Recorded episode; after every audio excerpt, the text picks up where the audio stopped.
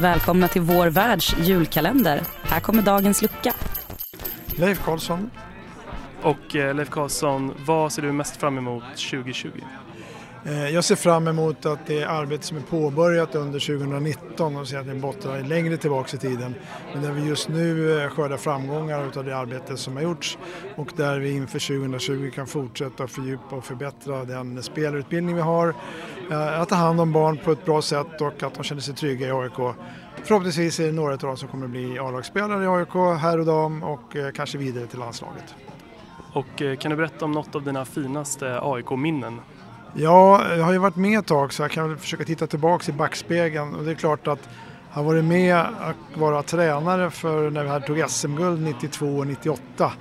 Och inte minst när Björn Westström och Micke Stare som hade varit hos mig i tiotal år tog SM-guldet 2009. Det ligger ganska högt upp på listan. Men samtidigt så säger jag att det arbete som görs nu inom AIK ungdomsfotboll känns oerhört inspirerande och jag ser fram emot att AIK ungdomsfotboll kommer att uh, utvecklas ytterligare framöver. Och till sist, vad önskar sig AIK ungdomsfotboll i julklapp? Ah, julklapp vet jag inte riktigt men uh, det samarbete som vi har etablerat uh, med våra A-lagstränare och sportchefer innebär alltså att vägen från AIK U till AIK A ligger ganska öppen.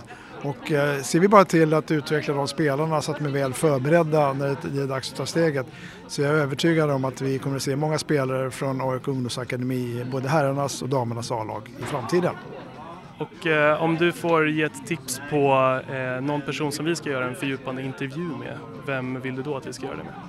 Ja, då tror jag nog att det blir den person som kom in när vi gjorde förändringen utav akademin och höjdåldern såg över pedagogiken och eh, nu genomför det vi har tagit beslut om, nämligen Dennis Hurtin.